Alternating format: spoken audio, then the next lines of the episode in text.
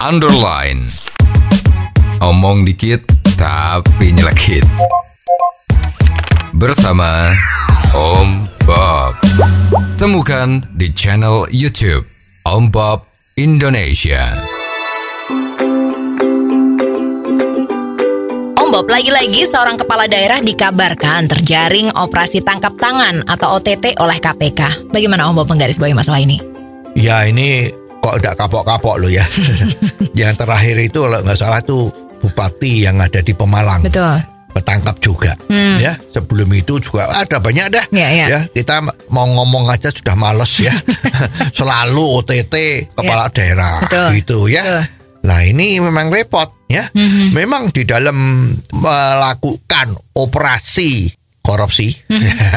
Jadi sang kepala daerah tadi kalau korupsi itu memang macam-macam jalannya ya. Hmm. Ya, ya. Ada yang pakai istilah-istilah yang mentereng Hmm, bahwa untuk proyek ini ada namanya konsultan manajemen. Ya. Oh, terus ada fee ya. macam-macam ya. Ada yang namanya fee lingkungan hidup ya. ada fee macam-macam lah pokoknya ya. Fee konsultasi tadi konsultan manajemen. Ya. Ini fee tenaga ahli ya. fee pengawas Ya. macam-macam. Pokoknya istilahnya macam-macam ya. Kalau dulu yang terkenal kan apel Malang. apel USA Ya, kalau ya. duitnya lebih besar Ya, betul. ya. Nah ini kan semua pakai istilah-istilah seperti itu. Mhm. Jadi seolah-olah kalau nerima duit, kalau Mhm. sudah maksudnya duit yang haram ya, Mhm. duit suap atau gratifikasi itu asal namanya mentereng, Mhm. itu sudah dianggap sah. Ya, tidak akan ada efek hukumnya. Ya. Nah ini kan jadi semacam ya kamuflase gitu kan, Betul. biaya tapi padahal dimakan sendiri. Ya. Ya, nah ini memang repot ya. Jadi memang auditor-auditor itu memang harus hati-hati. Kalau ada yang namanya aneh-aneh seperti itu mentereng itu memang harus dilihat dan ini biasanya terjadi ini gratifikasi atau korupsi. Ya. Ya. Nah ini yang menjadi repot. Kenapa hal ini berulang kali terjadi Om Bob? Padahal kan sudah ada KPK. Ya memang KPK itu kan sebetulnya dibentuk itu kan untuk membasmi korupsi. Mhm. kurang lebih lima tahun yang lalu itu sewaktu KPK itu masih dianggap luar biasa ya karena dari riset dari masyarakat itu kan memang ada tingkat kepercayaan masyarakat terhadap usaha membasmi korupsi oleh KPK Ya. pada saat dulu itu kelihatan sekali bahwa operasi tangkap tangan OTT itu hampir setiap Jumat keramat pasti ada. Ya, sehingga dikatakan Jumat keramat karena setiap hari Jumat tuh pasti ada OTT. Hmm. Ya langsung ditahan, langsung ditahan Ya, begitu ya. ya. Tapi sekarang Jumat keramatnya itu kok makin lama makin sedikit.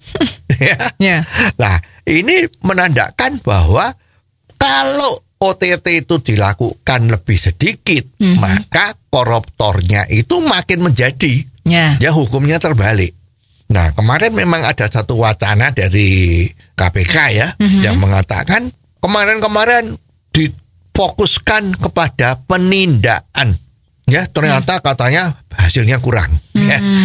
Oh, kalau begitu ini mestinya sekarang jangan penindakan yang diutamakan. Mhm. Tapi mestinya yang harus diutamakan adalah pembinaan atau pencegahan.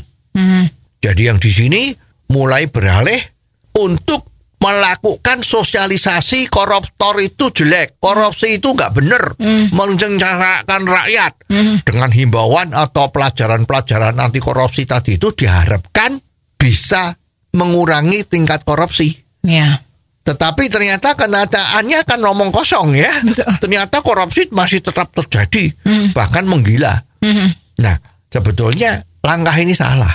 Yang betul memang harus ditindak dengan hukuman yang luar biasa beratnya.